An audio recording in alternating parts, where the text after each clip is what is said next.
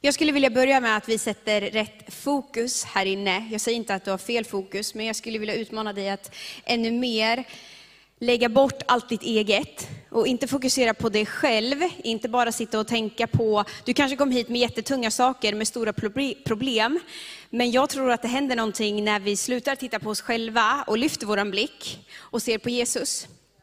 Eh, och jag tror att det är då han kan förvandla våra liv.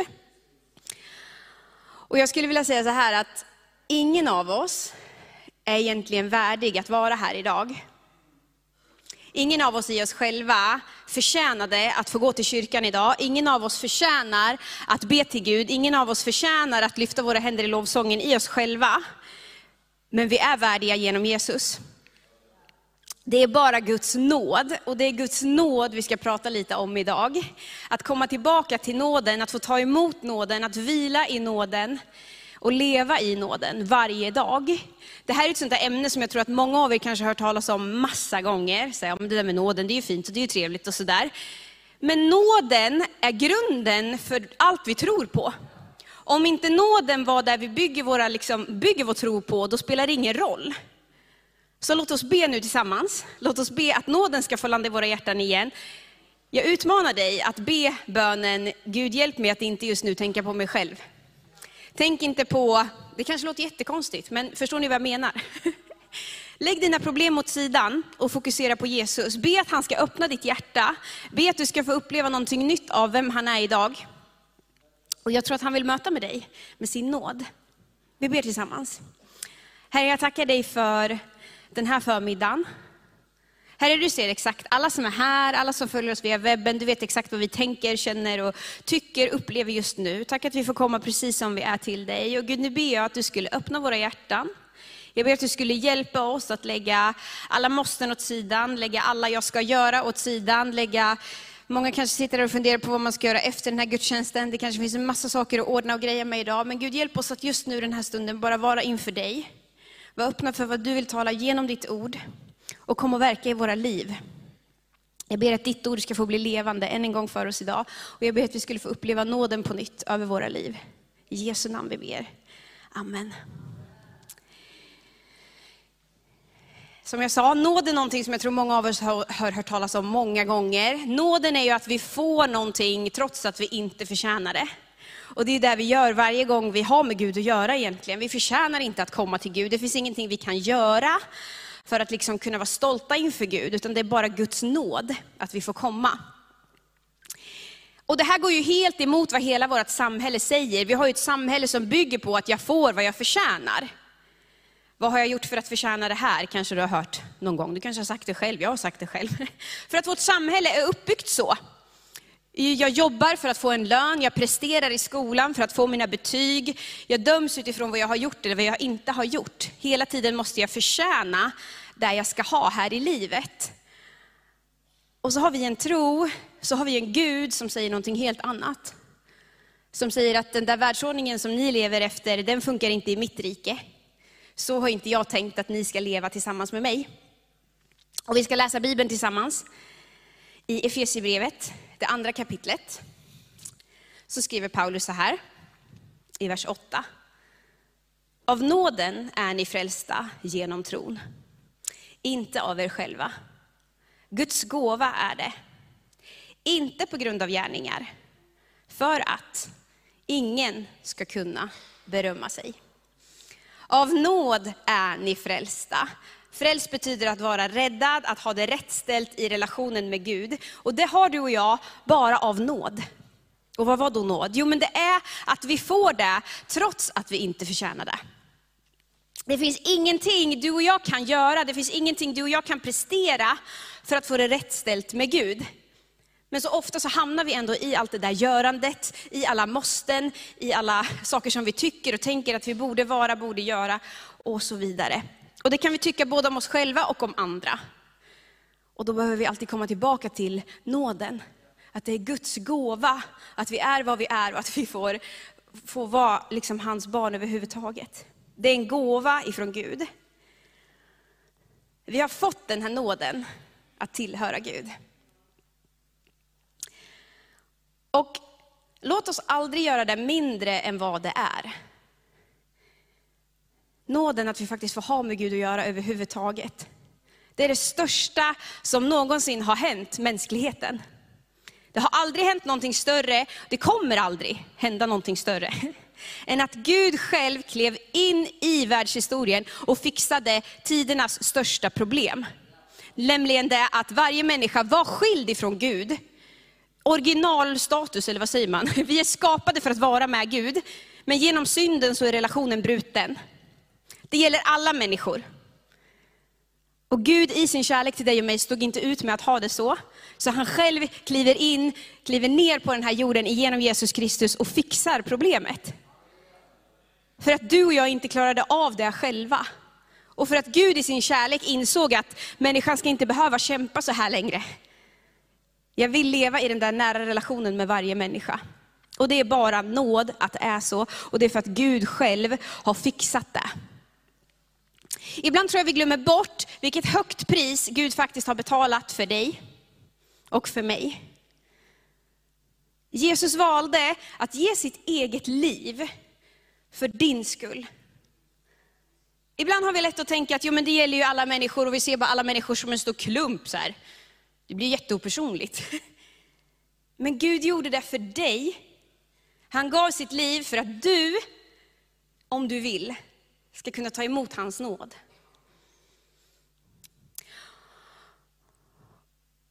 Och jag tycker att det är så skönt att veta att vi alla var på samma liksom, ruttna nivå innan vi hade Gud i våra liv. Ibland kan man tänka kanske, nej men jag behövde inte få så mycket förlåtet om jag jämför med den där personen. Det kan ju vara så att om du blir frälst när du är 12 år eller när du är 45 år, du borde ju ha hunnit synda lite mer när du är 45 än när du är 12.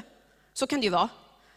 Men Bibeln talar inte om att frälsningen är större för den som har syndat mera, eller för den som har syndat mindre. Utan Gud säger att ni är alla i behov av min frälsning. Vi är alla på samma dåliga nivå, är ni med? Det är bara nåd för oss allihopa. Och vi ska läsa ett bibelord till tillsammans i Romarbrevet 3. Så står det så här, Romarbrevet 3 och 23. Alla har syndat. Om du går till grundtexten i grekiska och kollar vad alla betyder, så betyder det alla. Alla har syndat och saknar härligheten från Gud. Och de förklaras rättfärdiga som en gåva av hans nåd. Därför att de är friköpta av Kristus Jesus. Ingen av oss har någonting att komma med, ingen av oss har någonting att liksom vara stolt över eller att skryta med. Men det betyder också att oavsett hur mycket skit, eller hur mycket synd eller hur mycket fel du tycker att du har gjort innan du mötte Jesus, så spelar det ingen roll. För att vi har alla saknat härligheten från Gud och vi står alla inför honom utan att ha förtjänat det. Bara av hans nåd. Vi är frälsta till ett nytt liv tillsammans med Jesus, som vi har fått av nåd. Nåden är också att få, så här, nåden är att få någonting som vi inte förtjänar. Men det är också att slippa undan det som vi egentligen förtjänade. Det här är superhårt, men Bibeln talar om evigt liv eller evig död. Det är liksom svart eller vitt. Och Bibeln säger att genom Jesus så får vi evigt liv. Det är det frälsningen handlar om. Och utan Gud i våra liv så var vi på väg mot en evig död. Ett evigt straff. Och det är där nåden har klivit in och förändrat. Och sagt att det där eviga straffet som människan förtjänade för sin synd, det är borta. Och ibland så tänker vi, ja straffet är borta, det är bara boop, bort med det, vad skönt. Men då glömmer vi att straffet tog faktiskt Jesus. Det försvann inte bara. Men han valde att ta straffet på sig själv. Han led för din och min skull. För att det straffet som skulle hamnat på mig, för att det straffet som skulle hamnat på dig inte längre gör det. Utan han har tagit det. Och därför så blir inte du och jag dömda för det som vi skulle blivit dömda för. Vi kan läsa lite längre fram i Romarbrevet i det åttonde kapitlet och i den första versen så står det så här att därför finns det nu ingen fördömelse för den som är i Kristus Jesus. För att den dom som vilade över dig och mig, den har Jesus tagit bort. Inte som i att den bara försvann så här med någon magi hux flux, utan han tog straffet för den. Någon skulle ta straffet och han tog det. Därför finns det inte längre någon fördömelse. För att straffet har redan fallit på Jesus själv. Men är det inte förlåtet, att, eller inte förlåtet, är det inte orättvist kan man ju tänka, att vi alla blir förlåtna oavsett vad vi har gjort? Du kanske tänker så. Då skulle jag önska att du fick förstå att, säg så här, minimum förlåtelse är nog. Alltså, det är inte som att det du har blivit förlåten för är litet. Du har blivit räddad från en evig död. Vad mer behöver du? Vad skulle du kunna lägga till det? Men så här, vi blir inte mer eller mindre frälsta, det är det jag vill komma till. Ibland så tänker vi att, men jag har inget sådär före och efter från att jag blev frälst. Jag är nog inte lika frälst som den där. Du är lika frälst. Man är frälst eller inte. Oavsett hur ditt liv såg ut innan du blev frälst. Så är undret exakt lika stort, för priset som Jesus betalade var exakt lika stort. Oavsett var du var i ditt liv när du tog emot honom, oavsett vad du hade gjort innan, så är frälsningen exakt lika stor för dig. Så gör inte det mindre än vad det är. Gud har gjort ett under i ditt liv om du har tagit emot honom i ditt hjärta. Och han har räddat dig från ett evigt straff.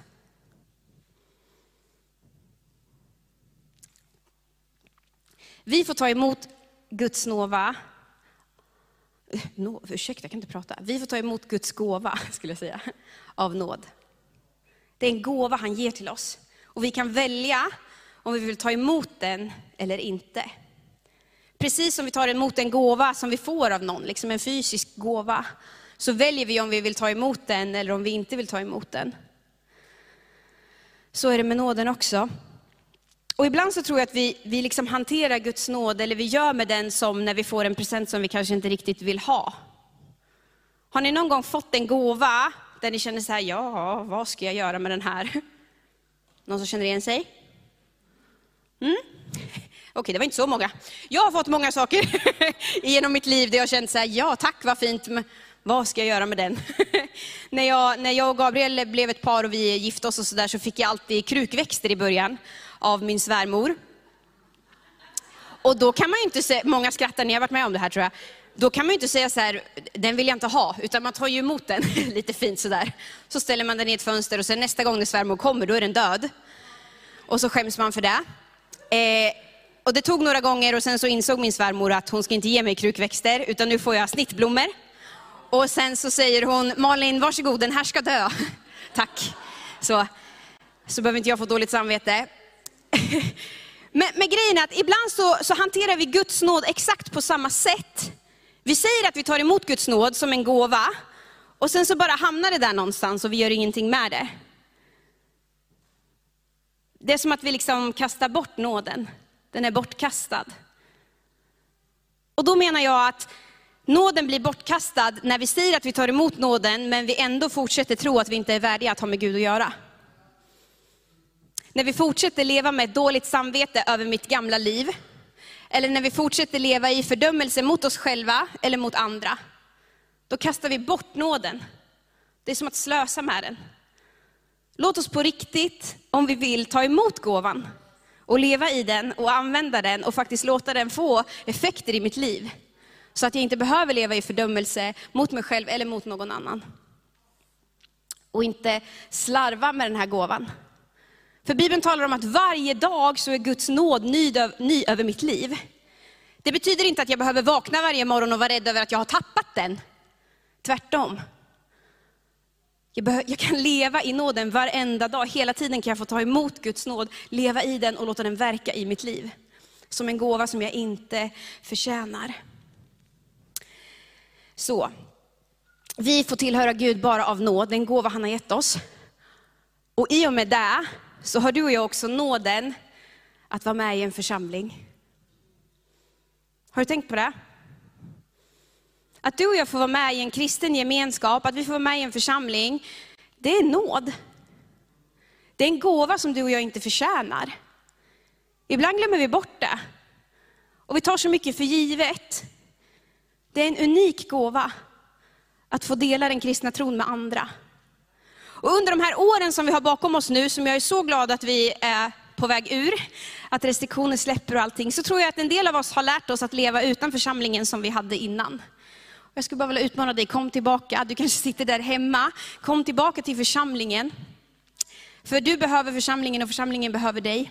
Och det är nåd att vi får vara med i församlingen. Bibeln, det finns så många bilder av vad församlingen är i Bibeln, men alla de är liksom, det är en kropp, eller det är ett hus, eller det är en familj. Det är olika delar, där alla delar behövs för att församlingen ska fungera. Därför behöver du församlingen och församlingen behöver dig. Och det är nåd. Och Bibeln talar till exempel i Efesierbrevet 3 om att tillsammans med alla de heliga ska vi förstå fullheten av Gud. Alltså att vi kommer inte riktigt fatta vem Gud är och allt det goda som finns i honom om vi inte gör det tillsammans. Så låt oss inte kasta bort den gåvan av nåden att vara med i en församling. Bara för att man har fått någonting av nåd så betyder ju inte det att allting är enkelt. Jag tror att vi har, vi har en ettåring, Leon han sover där nu, det är skönt. Ehm, det är en gåva vi har fått av bara nåd, att vi har honom. Men allt med honom är inte enkelt. Det är, det är nåd att vi väntar vårt andra barn, det är fantastiskt. Men mina vänner, det är alltid inte enkelt med att vänta barn. Det vet ni som har gjort det. Så är det med församlingen också. Det är nåd, det är en fantastisk gåva, det är någonting underbart, men det betyder inte per automatik att allt med det är enkelt. Men låt oss komma ihåg ibland när det liksom kanske skaver, när vi inte förstår varandra, när vi tycker och tänker, varför skulle den där just vara med i min församling? Att det är nåd. Att du får vara med, att den får vara med. Och att Guds församling är tänkt att vara alla generationer, alla nationaliteter, alla språk, alla folk och stammar. Tillsammans. Inte av vad du och jag har presterat och klarat av i oss själva, utan vad Gud har gjort genom sin nåd. Så är det. Och genom Guds nåd så kan vi alla vara med. Vi får vila i nåden, vi kan leva i nåden, vi får ta emot nåden.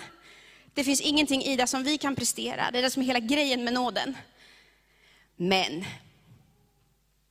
Guds nåd får alltid effekter i mitt liv.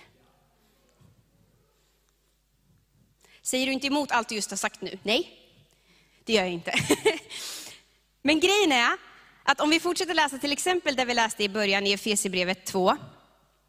Om vi läser vers 10 där så står det så här, hans verk är vi, skapade i Kristus Jesus till goda gärningar som Gud har förberett för att vi ska vandra i dem. Paulus börjar tala om nåden. Det finns ingenting ni kan göra för att bli frälsta. Det är bara Guds gåva, ingen ska kunna berömma sig. Men då blir ni Guds verk, som är skapade till goda gärningar. Alltså nåden får effekter ut i hela mitt liv. Vi är frälsta till ett nytt liv. Jag tror att om du har det här liksom före och efter att du hade Gud i ditt liv, och det inte märks någon skillnad på ett enda område i ditt liv, då skulle jag vilja fråga dig, har du verkligen tagit emot nåden? För jag tror att det finns ett före och ett efter, för att det är det nåden gör i mitt liv. Det får effekter för hela min människa, för att jag, jag blir en ny skapelse. Men det är ingenting som jag bestämmer mig för, som jag presterar i mig själv, som jag måste trycka fram. Utan det blir konsekvensen av att ha tagit emot gåvan ifrån Gud. Den får effekter ut i hela mitt liv. Paulus, som har skrivit de allra flesta breven i, i Bibeln, han talar väldigt mycket om nåd. Men han talar också väldigt mycket om våra gärningar. Och hur viktiga våra gärningar är för att man ska se på våra liv att vi tillhör Gud. Men han är också väldigt, väldigt tydlig med det här att ta emot nåden, det börjar med nåden. Och det kommer få effekter i ditt liv. Men så ofta så har vi lätt för att börja med det här med gärningarna. Och vi tänker att jag ska fixa i mig själv, jag ska prestera, när jag har fått ordning på det där och det där, då ska jag, liksom, då ska jag ta emot Guds, Guds frälsning, eller då ska jag leva nära Gud, eller tänka att det inte finns någon dom över mig, eller sådär. Då börjar vi helt fel. Vi börjar med att ta emot nåden ifrån Gud, och den får effekter i hela mitt liv. Och det finns massa bibelord vi kan läsa om det här, men till exempel så står det i Titus brev, i det andra kapitlet och i den elfte versen så här. Guds nåd har uppenbarats till frälsning för alla människor.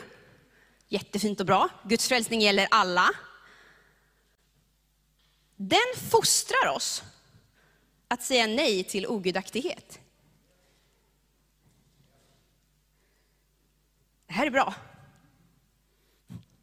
Men det är lätt att läsa det här och bara tänka, ja just det, vänta nu, Gud fostrar mig, Gud formar mig, Gud liksom, han, han, han går till rätta med mig hela tiden för att jag ska leva ett liv som han vill. Nej men vad är det det står? Det står att Guds frälsning har uppenbarats till nåd för alla människor. Och det är den som fostrar oss. Att säga nej till ogudaktighet.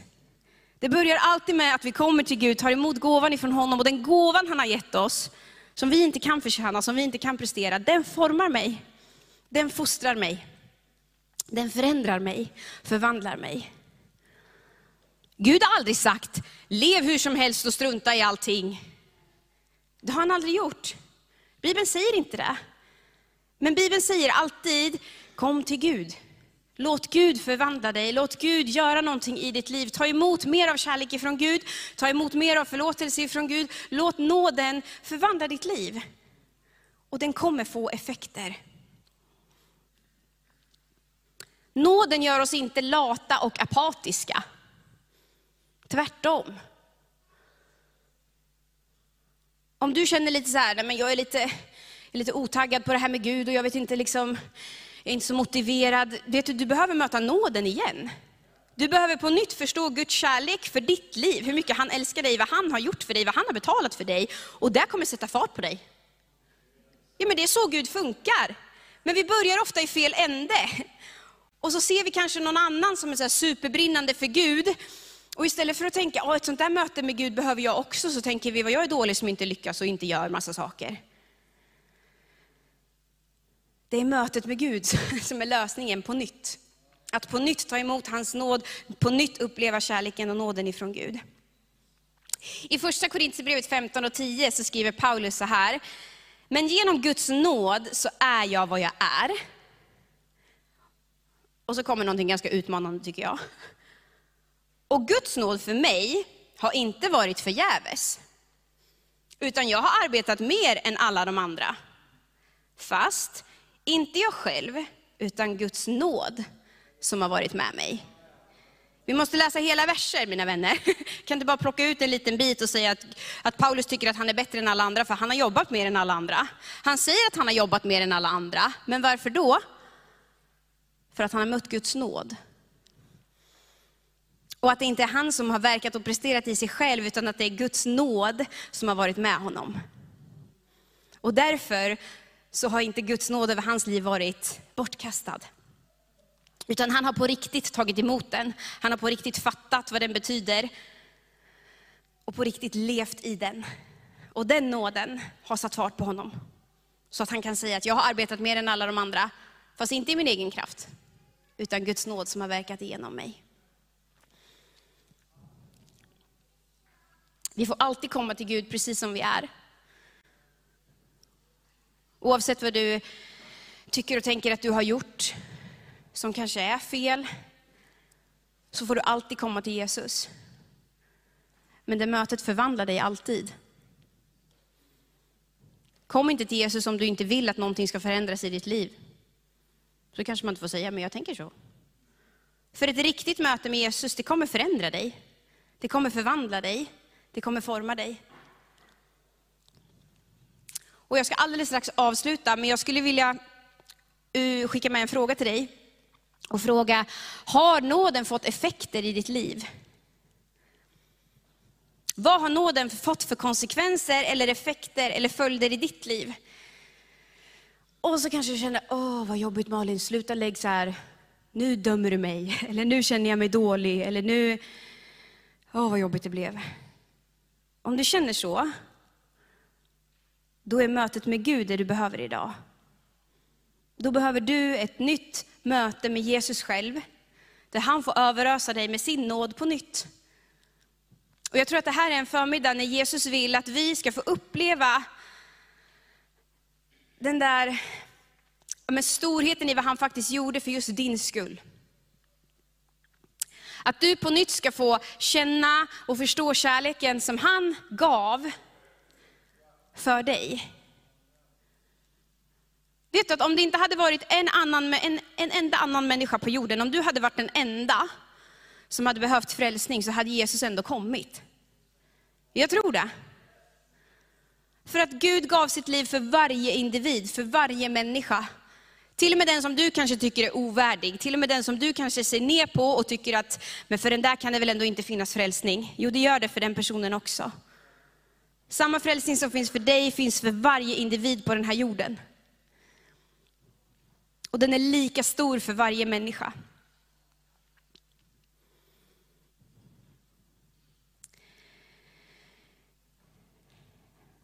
Kanske behövde du idag just höra det här med att det är nåd att du får vara med i en församling. Kanske stör du dig på andra i församlingen, tycker att det finns jobbiga människor i församlingen och allt sånt där. Det är nåd att du får vara med. Det är nåd att den personen får vara med. Och det är bara genom Guds nåd som det kommer funka att vara församling. Bara genom att vi fattar att det handlar inte om vilka vi är, utan vad han har gjort i oss. Och att han en gång för alla fixade allting för all framtid. När han gav sitt liv och uppstod för våran skull. Och genom det så kan vi alltid komma precis som vi är till honom. Jag kommer avsluta här med att eh, sjunga en sång. Och under den sången så skulle jag redan nu vilja bjuda in till förbön. Våra förebedjare kommer finnas här ute i sidosalen. Om det är någonting av det som jag har sagt som har rört vid ditt hjärta, vet du, då tror jag att det är Gud som pockar på ditt hjärta. Det är inte jag som gör det. Och då tror jag att det händer någonting när vi ber för varandra, för att Gud är där. Så då vill jag bara inbjuda dig att komma på förbön. Kanske finns du här som behöver ta emot nåden på nytt. Jag tror att du finns här inne som sitter och dömer dig själv. Du har hört det här om nåden så många gånger, men ändå så fastnar du hela tiden i det här, liksom, den här onda cykeln eller det onda hjulet av att du dömer dig själv för vad du gör. Då tror jag att du ska få uppleva nåden på ett sätt som du aldrig har gjort det förut idag. Kanske sitter du här inne och stör dig på andra, dömer andra. Då ska du få möta Guds nåd idag, på nytt. Så jag kommer sjunga den här sången och förbönsplatsen är öppen. Och vill du bara vara med och sjunga den här sången, jag tror att du lär dig den ganska snabbt, så var med och sjunga. Den heter Jag vilar i din nåd. Och det är där allting börjar, att vi får vila i att det handlar inte om vad du och jag har gjort, utan om vad han har gjort. Och att det livet han har gett oss, jag behöver den här, har förvandlat våra liv.